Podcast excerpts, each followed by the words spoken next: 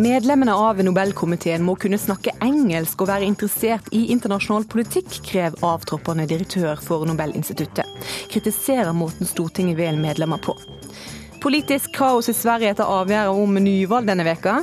Er det kongen som styrer landet nå, eller spør svenskene. Og kyllingsalet går treigt etter skremmende overskrifter. Norsk fugl er trygg. Ingen grunn til uro, sier kyllingbonde Ola Borten Moe. Velkommen til ukeslutt her i NRK P1 og P2.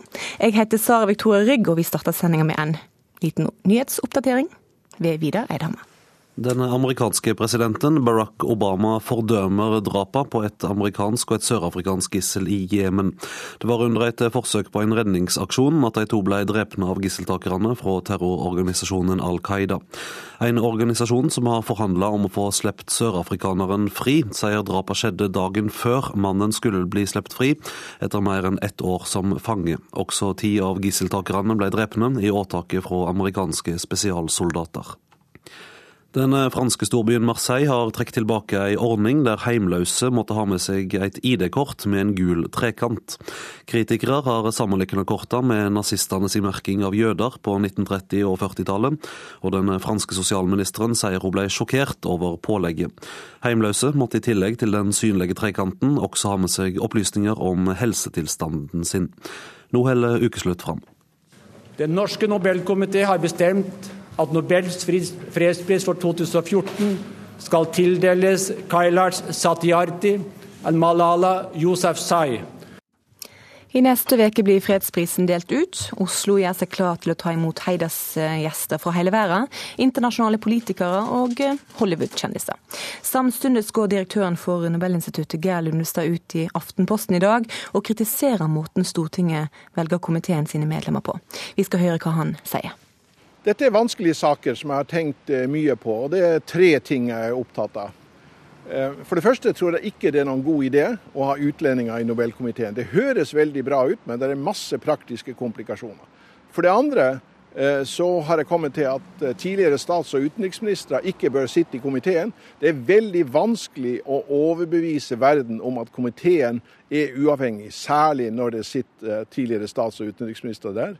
For det tredje så mener jeg at Stortinget bør være nøye, mer nøye med hvem de velger inn i komiteen. De bør helst ha interessert seg for internasjonale forhold før de kommer med i komiteen, ellers blir det mye oppoverbakke. Og de bør kunne redegjøre for seg sjøl eh, på engelsk. Det sa Geir Lundestad til NRK litt tidligere i dag. Politisk redaktør i Aftenposten, Harald Stanghelle. Geir Lundestad er kritisk til måten Stortinget velger ut medlemmene i komiteen, og du er enig. Hvorfor det? Ja, fordi at det har vært mye tombola-prinsippet når Stortinget har valgt ut sine medlemmer av komiteen.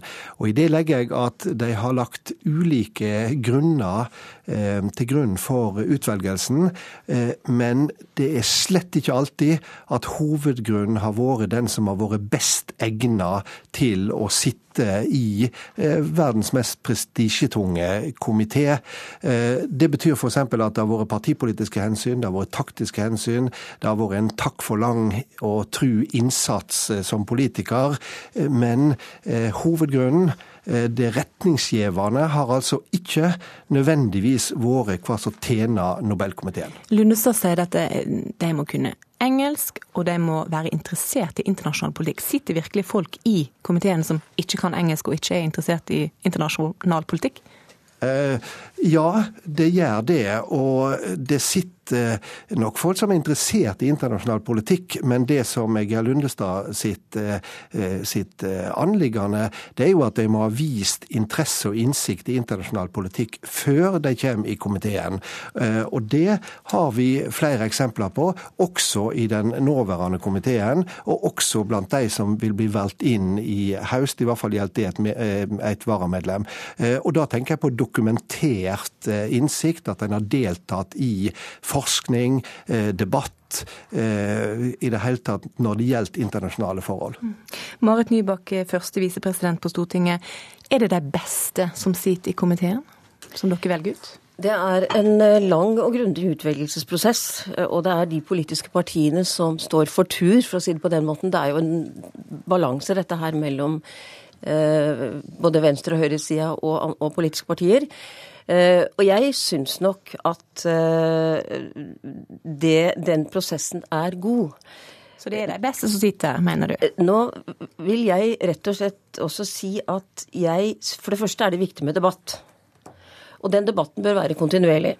For det andre så er jeg langt på vei enig med Lundestad, og for så vidt også da Stanghelle, i at Nobelkomiteens medlemmer bør ha innsikt i, fortrinnsvis erfaring fra, Eh, utenrikspolitisk arbeid, fredsarbeid, sikkerhetspolitisk virksomhet, og selvfølgelig at de, at, at de, må kunne engelsk. Så skal det være en balanse mellom ulike eller folk med ulik bakgrunn også, syns jeg. Mm. Og den balansen syns jeg er der i dag. Mm. Men så Stortinget har valgt inn folk som ikke har veldig mye kunnskap om internasjonal politikk, og som ikke kan snakke engelsk. Jeg syns at de politiske partiene bør være veldig bevisste på at uh, dette er en pris som har veldig høy prestisje, den er internasjonalt kjent, og dermed så bør også de som velges ut, uh, eller velges, ha den nødvendige kompetanse, kunne engelsk. Det er jeg faktisk enig i. Så er det ikke Lundestad som bestemmer dette, det er de politiske partiene på Stortinget, og det er til syvende og sist Stortinget i plenum. Altså, eh, Nobelprisen er blitt så prestisjetung fordi at den har vist så stor bredde i måten å tolke fredsbegrepet på. Og det har vært en slags kreativ uforutsigbarhet i valgene. Vi er jo alle litt spente når årets valg eh, kommer. Eh, og det er alltid eh, mye spekulasjoner rundt det, nettopp fordi at det ikke er en kjedelig pris. Så det er klart at en må jo også være varsom med å strømlinjeforme komiteen. For hvis den bare skulle bestått av utenrikspolitiske forskere, ja da tror jeg du ville fått en del dønn kjedelige priser. Men det er noe med å ha innsikt i et internasjonalt heilskapsbilde som er avgjørende for å kunne delta på en god måte i komiteen. Eh, og der har en både historisk og i den eh, sittende komiteen eksempler på at det er noen medlemmer som ikke har utmerka seg og ikke har dokumentert akkurat det. Og hva sier det om, om prisen sin altså betydning? At det er folk som ikke har den beste bakgrunnen, kanskje? Ja, Prisen har jo en enorm betydning, både nasjonalt og internasjonalt eh, likevel. Men det Geir Lundestad eh, snakker om, slik jeg opplever han, det er jo arbeidet i komiteen og det å kunne bidra til å finne den beste fredsprisvinneren, og det er jo det vi snakker om. Først så skal denne prisen være kontroversiell. Hvis ikke ville den ikke vært interessant. For det andre er det stortingsrepresentanter og parlamentarikere fra eh, andre deler av verden som nominerer, i tillegg til tidligere prisvinnere så mener jeg fortsatt at eh, det må være utenrikspolitisk og sikkerhetspolitisk kompetanse i komiteen. Men samtidig skal vi være veldig, veldig klar over at Nobelinstituttet hyrer inn forskere fra NUPI og PRIO og, og Universitetet i Oslo og Bergen osv. Slik at selve kunnskapen om de nominerte, den får komiteen på bordet. Men det å ha innsikt i, altså det å være interessert i, eller, eller det å, å, å, i hvert fall holde seg orientert om internasjonale spørsmål og ha deltatt i den internasjonale debatten, det syns jeg er viktig. Det er avgjørende. Og det er òg viktig at en kan prate engelsk, en kan kommunisere med f.eks. fredsprisvinneren. Men hvorfor er ikke da de som blir valgt ut fra Stortinget, hvorfor har ikke de den kompetansen? Det må vel være mange på Stortinget som har den type kompetanse og bakgrunn? De politiske partiene er ganske suverene i eh, den måten de eh, spiller inn eller nominerer sine kandidater inn til presidentskapet og Stortinget. Eh, jeg syns at det er en bredde i både den nåværende komiteen og tidligere komiteen som, som fungerer bra. Og det har vært pressfrihetspriser for 20 og 30 år siden som har vært mye, mye mer Eh, kontroversielle mm. eller for den saks skyld omstridte, eh, og, og, kanskje langt utenfor det som er mandatet til komiteen. Vi kan jo bare huske Seto, den japanske Seto. Halsangele.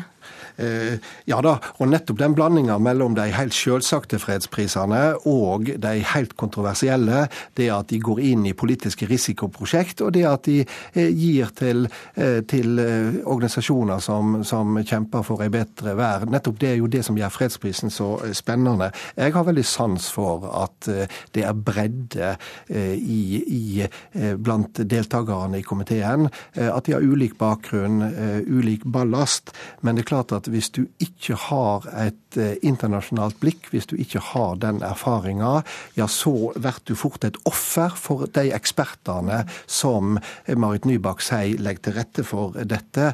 En er faktisk nødt til å kunne danse litt på den utenrikspolitiske parketten, for det er der fredsprisen hører hjemme. Det siste, det siste, er faktisk en veldig interessant observasjon.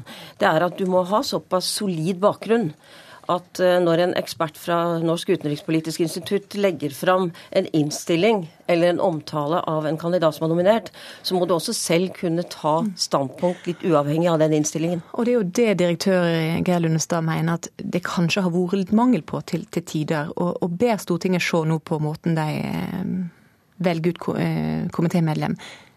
Hva vil du gjøre med det?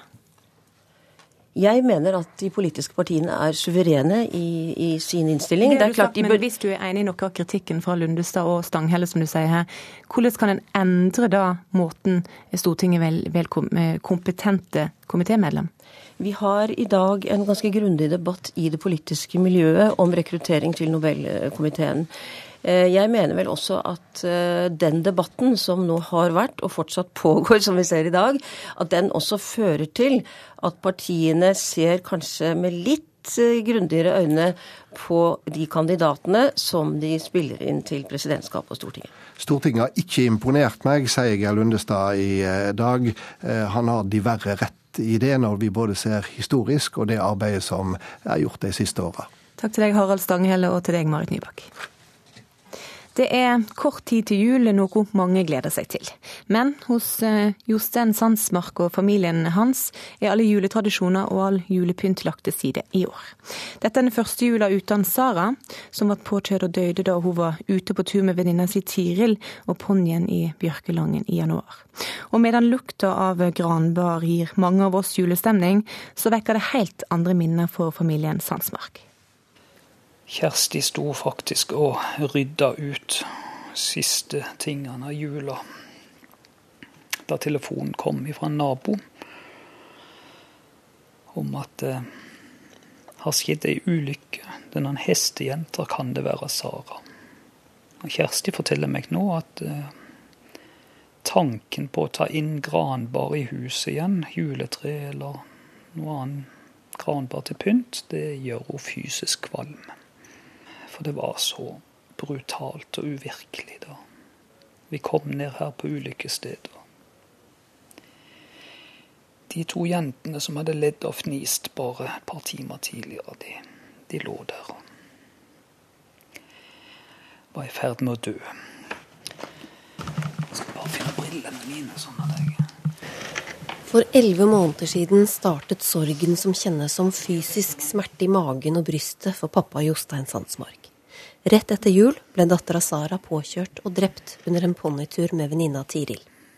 Nå har han tatt fram julealbumet. Så skal jeg bla helt over bakerst og se på de bildene som jeg ikke har orka å se på siden ulykka. Og det er Sara og jul. I rød fløyelskjole? Ja og med et salig smil rundt munnen. Hun var ei ordentlig julejente. Det er gått elleve måneder, og nå klarer familien å tenke på Sara uten å gråte. Sara hengte så mye pynt på juletreet at eh, greinene bøyde seg, og ett år så velta vel juletreet under pyntinga, for det ble tungt på den ene sida, for tungt på den ene sida. Likevel, det blir for vanskelig å feire jul. Det eneste som er viktig denne jula, det er at vi fire som er igjen, at vi er sammen. Så kan vi la juletradisjoner være juletradisjoner. Det blir ikke noe juletre, det blir ikke noe gaver. Familien takler sorgen på ulik måte. Jostein gjorde det eneste han følte han mestret, å skrive. Det ble til boka 'Pass på liten og på stor'. Skulle jeg skrive i siste kjærlighetserklæring til Sara. Og så hadde jeg også lyst til å skrive Ja, gi et lite puff til det at vi skal ta vare på hverandre og vise omsorg. Og det tenker jeg er også viktig, eller kanskje det aller viktigste i forhold til jula. Kanskje ikke det er så viktig at vi vasker i alle kriker og kroker og baker så mye. Kanskje ikke så viktig at vi kjøper så mange julegaver heller, men at vi ser ungene våre, holder rundt de og er sammen med de vi er glad i. Nå er den hellige time. Ja, da er vi på vei inn i Bjørkeland kirke. Det siste juleminnet jeg har herifra, det er at Sara sang solo 'En stjerne skinner i natt'. Og denne jula så tror jeg ikke at jeg skal inn her, men vi kan gå inn nå på forhånd.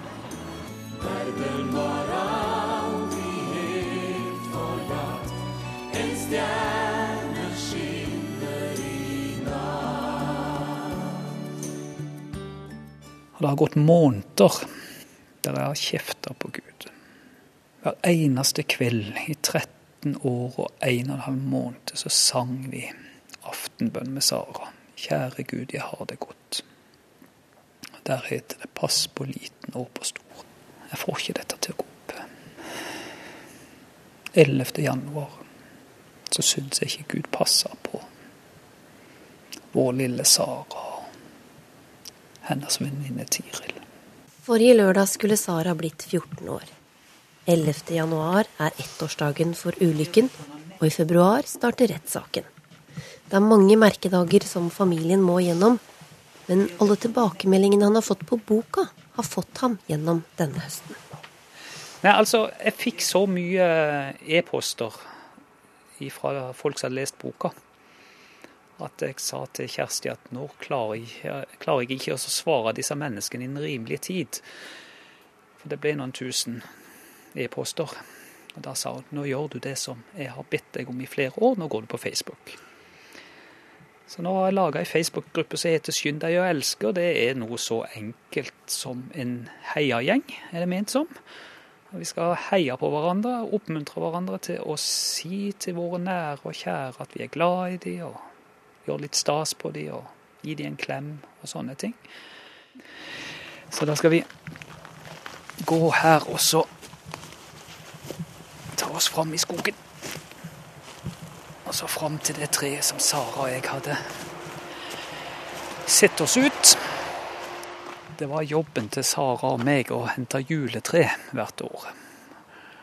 Og vi likte godt å planlegge, så vi hadde sett oss ut juletre for et par år framover. Vi bor akkurat i skaukanten her, sånn at vi går ikke så veldig langt hjemmefra. Men vi pleide å kle oss opp i tjukke kjeledresser med skjerf og lue, og så gikk vi av sted med sag. Og så lo vi ganske mye. Sara hadde moro av at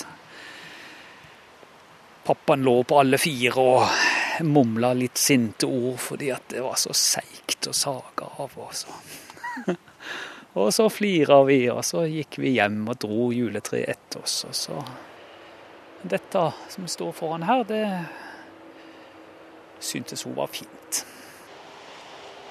Men i år så skal dette juletreet få lov til å stå. Vi klarer ikke å ha juletre inne. Kjersti blir kvalm, ja. Og så mangler Sara. Hvis vi skulle ha gått rundt juletreet Vi er ikke mange nok til å rekke rundt juletreet nå. Så er det rart. Når vi ser bakover nå, elleve måneder bakover, så har vi overlevd. Reporter var Linne Beate Gabrielsen.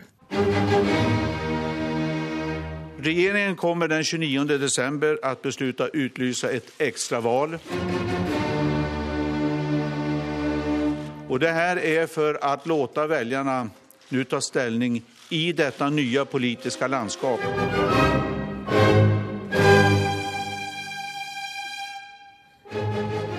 Det har vært travle dager og netter i Sverige denne veka. Kort tid etter at Riksdagen med Sverigedemokraterna i spissen stemte ned regjeringa sitt forslag til statsbudsjett, gikk statsminister Stefan Löfven ut og, og sa at han, det skulle arrangeres nyvalg. Og med det så var valgkampen i gang. Igjen.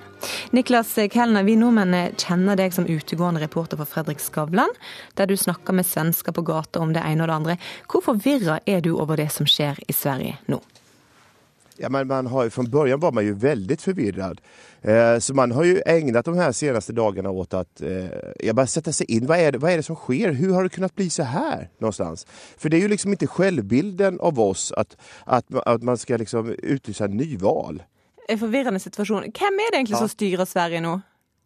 Oh, eh, ja, alltså Stefan Löfven har ju fått mandat av talmannen att styra Sverige och just nu så kanske han gör det. Men samtidigt är det som det känns som att han sitter och kör men, men det sitter en körskollärare bredvid och, och liksom trycker på pedalerna. Eh, och det är, ju, det är ju fortfarande alliansens budget. Ukeslutt gikk ut på gata i Stockholm og spurte folk hvem som har kontroll i Sverige akkurat nå. Hvem er det egentlig som styrer Sverige akkurat nå? Ja, det undrer vi også for nærværende. Jeg vet faktisk ikke. Kungen? Jeg vet faktisk ikke. Jeg opplever ikke at det er noen som styrer vårt land for tilfellet. Kjenner ikke jeg. Folket har litt mer makt just nu. Ja, det kjennes kjempebra. det ordner seg. Det hoppas jeg. Ellers får vi låne litt penger fra Norge. Jeg er ikke sjuk. Jeg er bare svensk. Nej, jeg er ikke. För jag är bara svensk. Lektor ved Markedshøgskolen Ketil Raknes, du var tidligere politisk rådgiver i Kunnskapsdepartementet og statssekretær i Miljøverndepartementet. Og du har vært med på å arrangere ikke mindre enn fem valgkamper for eh, SV. Er det kongen som styrer Sverige? Nei, det er jo ikke det. Men det var jo sånn som ble sagt der, at Stefan eh, Löfven styrer Sverige med en annens budsjett, mens han venter på at de skal velge eh, noe en gang til. Og ingen vet egentlig hva resultatet av det eh, valget blir. Men eh, jeg tror jo at eh, for Sverige så er jo dette litt vanskelig på to måter. Fordi at Sverigedemokraterna har på en sånn ganske fundamental måte utfordret det svenske selvbildet. For det første så var svenskene ganske stolt av at de ikke hadde den typen partier som vi har hatt i Danmark eh, og Norge, og så kom plutselig Sverigedemokraterna inn. Og for det andre så er jo, sånn som man hørte de som ble intervjuet her òg, at altså, den nordiske modellen har ofte vært den svenske modellen. Der er det orden i sakene, det er orden i økonomien, og svensk politikk har tradisjonelt vært ekstremt sånn konsensus- og samarbeidsorientert. Så det at de ikke engang klarer å bli enige om et statsbudsjett, det tror jeg også sjokkerer ganske mange svenske politiske kommentatorer kommentatorer og svenske velgere. Nå er det rot. Og ikke bare altså, Det må være litt rot på, på bakrommet òg nå. fordi at kort tid etter denne pressekonferansen der det ble kunngjort at det skulle bli nyvalg, så var valgkampen i gang. Og en valgkamp det er ikke bare bare å sette i gang det på 1, 2, 3. Nei, for alle som har vært involvert i det, vet at det er et enormt apparat. Det er et enormt antall altså Både på mediesiden og partisiden. Masse mennesker skal involveres. Det skal være arrangementer, det skal produseres materiell, man skal utvikle eh, eh budskap. Og det er jo sikkert ekstra mange i Sverige som føler det nå. Fordi at det alle forventet at Löfven skulle gjøre, var at han skulle annonsere sin avgang. Og så skulle noen nye eh, få muligheten, sånn som har vært vanlig eh, å gjøre i Sverige.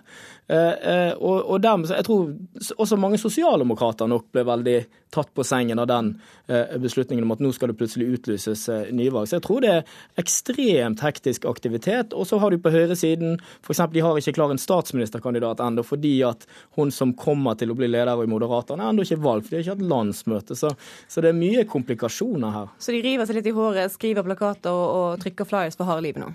Ja, jeg tror at uh, det kommer til å bli en veldig uh, hektisk, kaotisk valgkamp. Men de som med en gang benyttet muligheten, var Sverigedemokraterna. De hadde klart et budskap. De visste, de visste, hvordan de skulle ramme inn denne valgkampen. De sa at vi skal gjøre dette til en folkeavstemning om innvandring til Sverige. Så jeg tror nok at Sverigedemokraterna er nok de som nå ser mest fornøyd ut med å ha skapt den situasjonen, fordi at de kan få valgkampen til å handle om det de aller mest ønsker, nemlig seg sjøl. Emilie Berstadstuen er nestleder i eh, AUF. Og du skal til Sverige for å hjelpe til under denne valgkampen. her. Hvorfor skal du det? Eh, først og fremst så skal vi jo til Sverige for å hjelpe vårt søsterparti eh, å drive valgkamp. Eh, og det er jo en helt spesiell situasjon. Og svenskene skal til stemmelokalet for tredje gang på et år. så alle partiene står jo selvfølgelig overfor det å kunne mobilisere sine egne. men jeg tror først og fremst at det å mobilisere velgerne er der det ligger. Eh, jeg tror velgerne eh, kanskje føler de avmakt. Eh, er de slitne? Får man de til stemmelokalene? Og hvordan skal du få de til stemmelokalene? Eh, skal bidra med eh, å være ute i gatene, eh, fortelle folk hvorfor det er viktig at de går til stemmelokalet. Og det store spørsmålet her blir jo for Sverigedemokraterna større oppslutning. For folk føler at de rød-grønne og alliansen faktisk ikke klarer å styre landet. Eller får de mindre oppslutning? Niklas Kellner, eh, er du og resten av Sverige klar for nok en valgkamp og nok et valg? Alltså, vi er jo rätt trøtta, for det har alltså ett, som vi har kallat det her i Sverige, for et supervalår der vi både har hatt EU-valet eh, og sen så har vi hatt det her va- valet. Og eh, Nej, men det, det, det, vet- det, jag, jag, jag är, rädd för lite av det som sägs, att, att folk kommer känna sig väldigt tröttna på, på det. Och att det jag framförallt är eh, rädd för det är att, att, att politikerföraktet ökar i och med detta. Hva har politikerne å tjene på et nyvalg med trøtte, slitne velgere? Nei, altså, det, du kan si Det er nok ulike vurderinger som er blitt gjort her, men, men det er sånn, dette valget er et spesielt valg. fordi at du kan si du spiller poker, og så høyner du på en måte oddsen litt. For nå handler det om litt mer enn et vanlig eh, valg til Riksdagen. Det handler om liksom, svensk politikks framtid og hvordan vi skal styre Sverige. Så det, det er mer ting som står på spill. Og da har mange pekt på at Löfven tar en enormt stor risiko ved å utlyse dette eh, nyvalget. For det første så er det jo vanskelig å se at Altså Den eh, rød-grønne regjeringen som nå har sittet en liten kort tid, har ikke gjort spesielt godt inntrykk. Eh, Og mange mener at de ikke har lykkes eh, veldig godt. Så det betyr at han tar risiko på den måten at, at, eh, at han går til nyvalg uten at han sjøl kanskje står veldig sterkt. Samtidig så er det sånn motsatt. På høyresiden har de problemer med De har en allianse, ja, men de har ingen klar lederkandidat og, og sånne ting. Eh, eh, Og så har du store spørsmål ved Sverigedemokraterna også. Jimmy Åkesson er sykemeldt, det er usikkert om han kommer tilbake igjen. Altså, så det er, jo, det er jo enormt mange betydelige usikkerhetsmomenter. Og Det var nok derfor mange forventet at Löfven heller ikke kom til å gjøre dette. For det var ingen åpenbar oppside ved å gjøre det. Men så har nok han tenkt at liksom Nei, nå må jeg sette litt hardt mot hardt. Så viser jo meningsmålingene at eh, du spør hvem som har skyld, så mener 50% i rød-grønne og 50% i moderate. Så, det, så, så det ser eh, jeg, jeg har ikke noen sånn god spådom om hvor dette kommer til å lande nå, da. Hvor tror du det lander, Emilie Mersøs? Nei, det blir spennende. Det er en utrolig krevende politisk situasjon når ingen får flertall til å styre. Eh, men det er jo ganske spesielt, og det er ikke mange steder man ser at eh, regjeringen er villig til å eh, lyse ut nyvalg og potensielt, potensielt liksom gå av, da, eh, fordi at man ikke har lyst til å samarbeide med eh, Sverigedemokraterna. Og først og fremst så syns jeg at det viser politisk lederskap av Stefan Löfven, for han vil ikke la seg diktere av et ytterliggående parti, som Sverigedemokraterna er. Eh, Men det er litt òg vanskelig å sammenligne med Norge. Det er jo ikke lenge siden at ingen heller ville samarbeide med Frp, men nå sitter de eh, i regjering. Eh, Men du sier at han, han har vist litt handlekraft. Han har, han har nekta å samarbeide med, med, med Sverigedemokraterna. Men har ikke han bare stukket hodet litt i sanden og later som ikke det eksisterer? Jeg tror det er helt klart en, en problemstilling, og det viser stemmetallene, eh, at det er en problemstilling i Sverige som eh, man på et eller annet tidspunkt er nødt til å faktisk ta på om det skal være nå. Og det er at eh, noen vil jo si at Sverigedemokraterna er rasister, og noen vil jo gå lenger og si at de er nazister og fascister. Eh, og det er jo faktisk det at nesten en million stemte på de. Eh, men jeg tror ikke at nesten en million svensker er rasister. Eh, Men det viser jo òg at det er noen ting som Sverigedemokraterna sier, som berører den svenske folkesjelen. Eh, Og det blir interessant å se eh, hvordan det kommer til nå å gi, slå ut i denne valgkampen som skal være. Nå blir jo den store jobben i Sverige å, å motivere velgerne til å holde ut nok en, en valgkamp og komme seg av gårde og røyste en gang i mars. Emilie skal gjøre sitt for å skrive spennende bannere og, og dele ut flyers. Hva du tror Niklas Kellner, tror du du klarer å bli motivert til å gå stemme en gang til? Ja, absolut. Det tycker jag är väldigt, väldigt viktig, eh, viktigt att göra. Men så får du holde med valg på noen år, vel? Nei, nej, nej nu, nu, nu får det räcka. Det, får vara, det här hoppas jag är det siste. Takk skal du ha, Niklas eh, Kellner. Takk til deg, Ketil Raknes og eh, Emilie Bersås. Du hører på Ukeslutt i NRK P1 og P2. Halv fram med det å høre at den ti år gamle gutten som ble funnet død i august, døde av uttørring og svelt. Vi må bry oss mer, sier ei som fikk hjelp av de ansatte da hun møtte opp i barnehagen, skitten dag etter dag. Og trenger vi virkelig alle disse bøkene som handler om menn og deres kjærlighet til fotballen, spør kommentator. Det blir skrevet som om alt annet ræl, så hvorfor ikke fotball, svarer entusiast. Ja, det skal handle om fotball, bøker og menn. Jeg syns det var en fantastisk moro å skrive om fotball. Nettopp fordi at det er så vanlig og, og så, så, sentral del av livet, men som egentlig ikke betyr noe. Ikke det handler om underholdning og om, om, å være et annet sted et kort øyeblikk. Og Så går man inn der og så ser man at det er så utrolig tett med meninger. da, ikke sant? Mm. Karl Ove Knausgård er en av forfatterne som har skrevet bok om fotball-VM det siste halvåret. Fire bøker er på plass i butikkhyllene. Alle handler om menn og deres kjærlighet til fotballen, og alle er skrivne av menn. Eirin Eikefjord, kommentator i Bergens Tidende. Du har ikke stått i kø for å sikre deg de første eksemplarene av disse bøkene. Hvorfor er du litt skeptisk til disse bøkene? Altså, jeg syns det er grunn til å problematisere en del av det som eh, kommer ut av dette. For det første, hva er dette behovet for å gjøre fotball til noe intellektuelt og storpolitisk? Og for det andre så lurer jeg jo på hva man egentlig kan få ut av et sånt prosjekt. Så fot Å skrive om et VM som allerede har vært, og som alle har sett, gir jo en helt åpenbar narrativ utfordring. Da er jo konsekvensen ofte at mennene istedenfor å skrive mye om fotballen, skriver en del om seg sjøl. Da får du jo eh, et, et fellestrekk som gir en del navlebeskuing. Så dette handler mer om mannen enn om ballen. Mimir Kristiansson, samfunnsdebattant og forfatter. Du mener at eh, Eirin Eikefjord bomma helt med kritikken her. Hvorfor det? Altså, Min analyse er at det skrives for lite om fotball i Norge. Fotball er en ting utrolig mange mennesker bryr seg om. Eh, og ikke minst så er det veldig mange i en gruppe som leser lite, nemlig unge gutter og unge menn, som bryr seg veldig mye om det. og Derfor trenger vi flere fotballbøker. Og Jeg er litt overrasket over denne skepsisen. for jeg kan bare komme på at det kanskje er skrevet, bare som jeg kjenner til, og jeg har ikke noe uh, uttømmende oversikt, kanskje 10-15 bøker og romaner om bare et bitte lite smalt forfattermiljø i Bergen. Sånn at Hvis det er mulig å gjøre det, så må det da gå an å skrive fire bøker om et VM som flere milliarder folk har fulgt. Og nå, Selvfølgelig er noen av disse bøkene navlebeskuende, men Karl Ove Knausgårds mest navlebeskuende bok er altså ikke den han har skrevet om fotball-VM. Det er de seks bindene han har skrevet om seg sjøl. Sånn at disse bøkene er mindre navlebeskuende enn det som vanligvis kommer ut. Og så skulle du selvfølgelig gjerne sett at noen damer hadde skrevet fotballbøker òg, og det må forlagene ta på sin kappe at de sannsynligvis har spurt for lite rundt. Men vi trenger flere bøker om ting som folk bryr seg om. Litteraturen bør gjøre det, både for å nå ut og for å fornye seg sjøl, og på en måte snakke til hele befolkningen. Eirin er ikke du er litt eh, lei av fotball, da? Nei, på ingen måte. Men altså, den kritikken eller den skepsisen kan jo selvfølgelig fremmes av, mot resten av norsk samtidslitteratur. Det er jo ikke bare fotballbøkene som er navlebeskuende og handler om menns eh, refleksjoner, eh, hvilke kultpoeter de har lest og deres eh, familieopplevelser. Så det er jo ikke isolert sett et fenomen som gjelder fotballbøkene. Men jeg tror jo likevel at man kan skrive om, om fotball på andre måter.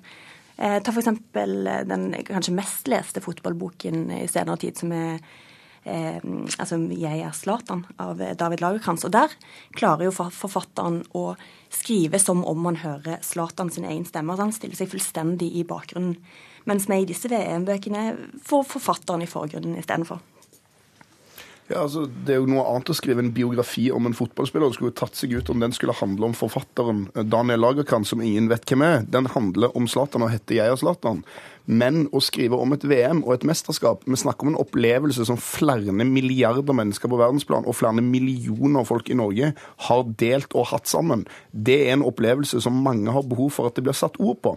Og det spørs jo selvfølgelig hvor mye tid du brukte på VM, men veldig mange i mitt sjikt, for å si det sånn, de brukte utallige timer på det VM-et. Sikkert en haug med folk som har skulka jobb og alle andre mulige avtaler, som har grått og gleda seg og kost seg og irritert seg grønn over noe sammen.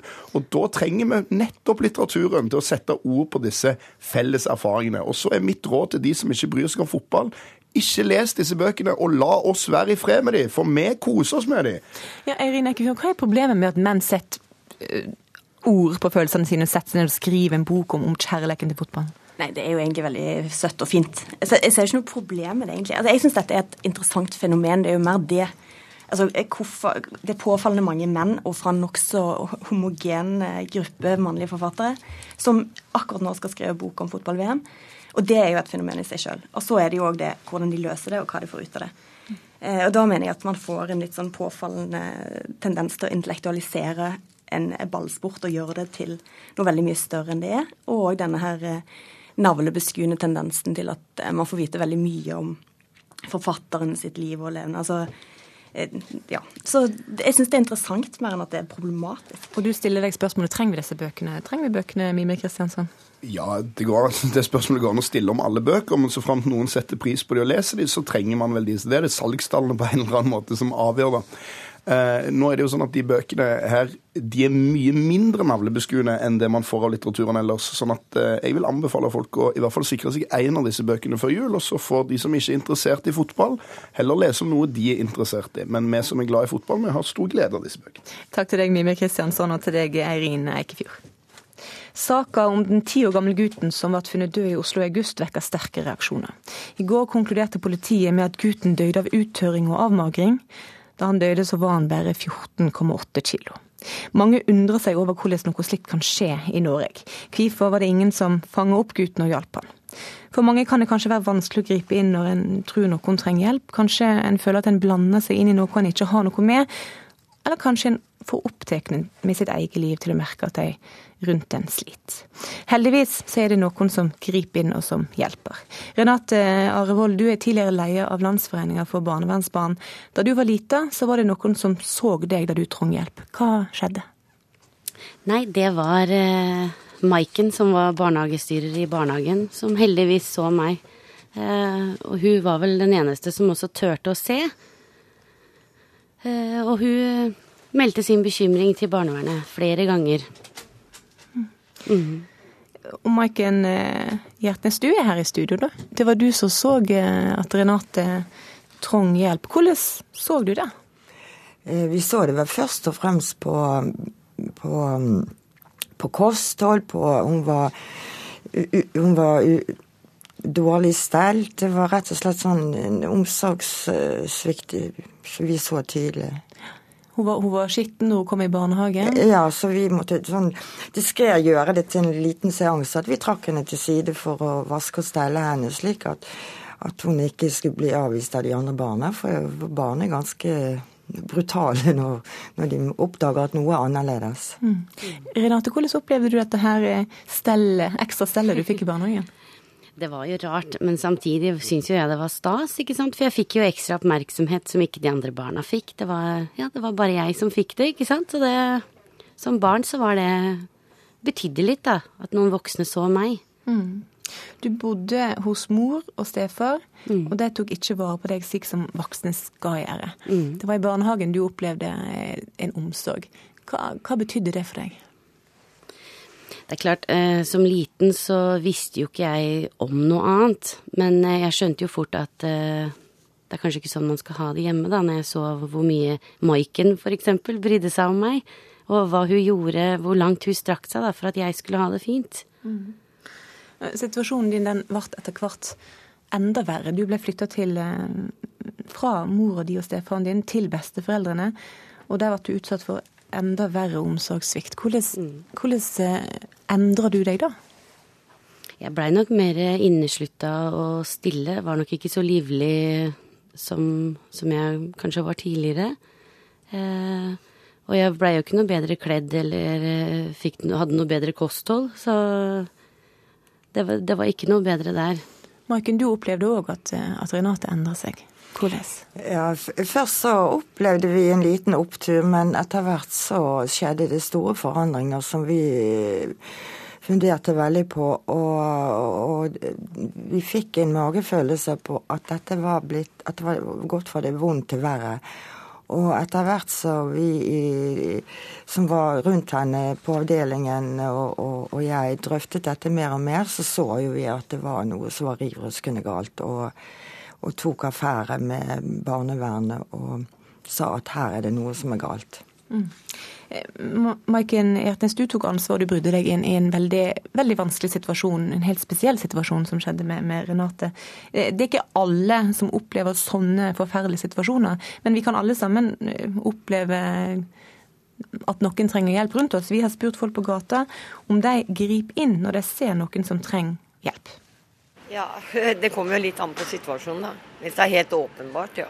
Jeg gjør det så ofte jeg kan, faktisk. Det er veldig situasjonsavhengig, tror jeg. Du, du, må se situasjonen foran deg før du, før du kan handle, eller du tør å handle. For det er ikke alltid det er like lurt å kanskje bry seg. Jeg håper jo at jeg vil gjøre det. Jeg kan ikke love at jeg gjør det, men eh, det er jo selvfølgelig det jeg ønsker å gjøre. Johannes Hegeland, du er konstituert generalsekretær i Kirkens Bymisjon, og du arbeider daglig med folk som kanskje ikke alltid blir sett. Hvorfor tror du at det er vanskelig for mange av oss å gripe inn og hjelpe? Nei, Vi erfarer jo det som vi hører i reportasjen her, at folk flest bryr seg jo. Sånn, vi, er, vi, er, folk som bryr oss om hverandre, men det kan være vanskelig. Og jeg tror det handler mye om ja, usikkerhet. Vi er redd for å gjøre noe feil, eller redd for å skille oss ut, eller gå for langt. For nær, at noen skal bli fornærma på oss. Tråkke over noens grenser. Og derfor eh, holder vi igjen i noen situasjoner, sjøl om vi egentlig kjenner i magen at her skulle jeg ha sagt fra og gjort mer. Hvilke eh, tilbakemeldinger får du fra eh, de som benytter tjenestene til Kirkens Bymisjon?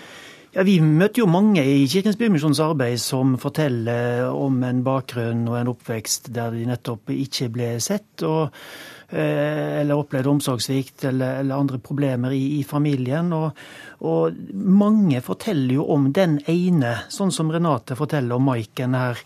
Eh, ofte er det i en vanskelig situasjon den ene personen en er avhengig av. Ofte er det det som skal til for å snu en situasjon som kan være destruktiv, til et løp som, som kan ende mye, mye bedre. Den ene altså Unicef har en egen side om det, som heter Den ene. Eh, kjempeviktig at vi alle i vår hverdag eh, ser at vi kan faktisk være den ene for noen i vårt nærmiljø. Mm. Renate, hvor viktig var det for deg at eh, nettopp Maiken brydde seg? Det var jo veldig viktig, for det var jo ingen andre som brydde seg. Så Maiken var jo den ene for meg. Eh, og jeg tenker jo at det er så utrolig viktig. Nå nærmer vi oss jul og høytid og alt, og da må vi på en måte tørre å, å se bak lukkede dører og være kanskje den nabokjerringa som bryr seg ekstra, om det så er at vi har en plass ekstra ved bordet, eller eh, om vi tar de med på å gå en tur, eller Vi må være der. Maiken, det koster jo ganske masse å bry seg. Eh, og det er kanskje litt ubehagelig av og til å, å, å, presse seg på en person som du ikke er helt sikker på egentlig trenger hjelp. Hva, men er det verdt det å bry seg? Absolutt. Og når jeg jobbet som styrer i barnehage, så var mitt motto det er man kan ikke la være å bry seg, og tar man feil, så er det bra. Men, eh, og, og, i loven så er i hvert fall vi som er ansatt innenfor barne- og ungdomsomsorg, vi er jo pålagt å ivareta barn og ungdoms uh. Mm. Og så er det det som ikke er nødvendigvis eh, lovpålagt, nemlig dette her med nabokjerringa. Hvordan kan vi få nabokjerringa til å åpne gardinene og følge med på hva som skjer rundt omkring? Jeg tror vi alle må være litt, litt nabokjerringer i den betydningen av ordet. Vi må, vi må, rett og slett våge å tro på det vi ser. Eh, ofte så sier vi at ja, men alle andre kan jo gripe inn, og alle andre går forbi, og hvorfor skal jeg eh, skille meg ut? Men, men, jeg må tro på det jeg ser, og så er ikke det viktigste spørsmålet mitt hva alle andre gjør, men det viktigste spørsmålet er hvem ønsker jeg å være? Eh, og det spørsmålet må jeg konfrontere meg sjøl med innimellom, og så må jeg prøve å strekke meg etter de idealene som jeg da, som jeg da får opp. Mm. Renate Aarevold, hvilke personer bør vi være nå i, i adventstida, juletida og for så vidt alltid? Vi må være, ha litt åpne armer og ha litt raushet og være der for, for, hverandre. Og ikke være så engstelige for å bry oss. Vi, vi, er nødt til å bry oss og vise litt eh, eh medmenneskelighet og kjærlighet. Da får det være mottoet for dagen i dag og alle andre dager. Takk til deg, Renate Arevold. Takk til deg, Maiken Hjertnes og Johannes Heggeland.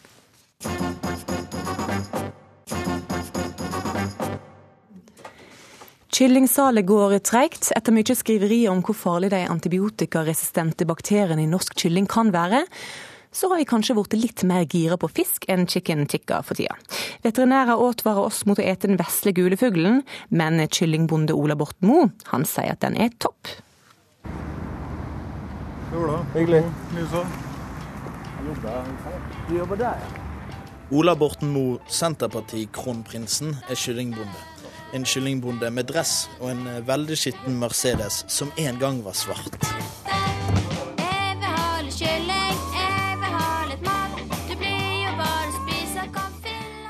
Han frikjente norsk kyllingindustri i en VG-kronikk onsdag, og nå skal han ta meg med på kyllinggård for å overbevise meg om at kylling er topp. Det er nettopp fra Rimol, der eh, Ladians hode forsvant eh, rundt forrige årtusenskifte.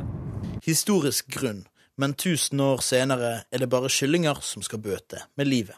Mer om det senere. Jeg kommer fra NRK, bare lurer på, spiser du kylling?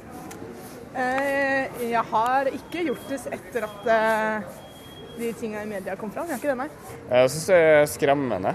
Jeg har ikke spist kylling etter det, faktisk. Syns ikke det er Jeg er ikke trygg nok på at de har det bra nok der de eh, kommer fra. Jeg vil fortsatt ikke spise kylling hvis den ikke, hvis den ikke er trygg. For det er en hard kamp Borten Moe kjemper. For oppslag etter oppslag har vist at den vesle fuglen ikke er så sunn likevel. Stoffet narasin, som kyllingen spiser, kan nemlig gjøre bakterier resistente mot antibiotika, ifølge flere forskere. Det har skremt forbrukerne vekk. Vi kan jo ikke utelukke at det er, er årsaken til det. Det har jo vært et veldig stort fokus på det i, i media, og vi ser en merkbar nedgang nå de siste ukene. Det sier Mette Forsum Bayer, kommunikasjonsdirektør i Rema 1000, og får støtte av Coop, som har opplevd det samme. Det var noe helt fersk kylling. var filet her. 115 kroner per kilo. Veterinærstudent Peder Støre Amundsen kikker ned på en steikeklar familiepakke med kyllingfilet på butikken i Oslo. Den havner ikke på hans middagsbord i kveld, for han har nemlig sluttet å spise kylling. Jeg syns kylling sånn som det er i dag, er dårlig kvalitet på dette masseproduserte som pumpes ut på markedet til billig penge. Men øh, for meg som forbruker, da? Hvorfor, hvorfor skal jeg bry meg? Du skal bry deg fordi at eh, hele menneskehelsen, hele dyrehelsen og klima og miljøet henger sammen med hverandre. At de valgene du tar som forbruker, påvirker ikke bare deg og din hverdag, de påvirker oss alle. Og det er en vanskelig tanke å ta inn over seg. Zoolog Petter Bøckmann ved Naturhistorisk museum forteller at lave priser på kylling påvirker biologien dens. De kyllingene som vi har avla for å vokse kjapt, de får en del litt spesielle egenskaper. De blir veldig dumme. Altså Hvis du skal vokse fort, så kan du ikke bruke energien din på sånne ting som hjerne. og Sånn. Hjerne er veldig sultent organ. Det er én ting. En annen ting er at de skal være lette å håndtere, sånne matkyllinger. Og det er også lite forenlig med en hjerne. Lure dyr er litt verre å ha med å gjøre enn teite dyr. Tilbake til Trøndelag og Borten Moe. Vi er fremme på Gimse gård i Melhus, hvor gulvet er rent, såpedispenseren automatisk, og jeg tar på meg en slags eboladrakt med munnbind og kommer inn til kjernen av problemet. Det er kyllinger overalt i denne halen, 15 000 i tallet. Snart slakteferdig, gule, søte.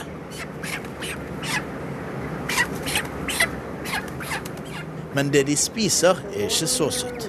Narasin.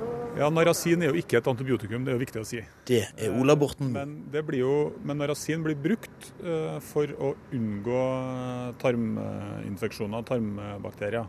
Tolv tonn narasin blir brukt i norsk kyllingproduksjon årlig som en slags vaksine mot tarmsykdommer. Derfor er det ikke bare bare å kutte det fra produksjonen. Men grunnen til at det brukes, er jo fordi at det holder eh, kyllingene friske. Og jeg tror ikke du finner noen produsenter som ønsker å bruke det her hvis man kan finne eh, gode erstatninger. Hvis man kan finne andre måter å oppnå de samme resultatene på. Men norsk kylling, er den trygg? Den er trygg, og det er et godt produkt.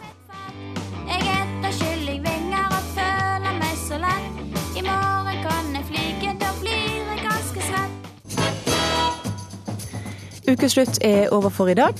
Denne sendinga, kan du høre igjen, enten som podkast eller på nrk.no. Du kan også høre prisen i Alltid nyheter klokka 16. Ansvarlig for sendinga det var Gry Elisabeth Veiby. Eli Kyrkjebø styrte teknikken. Benedikte Vestby var skript.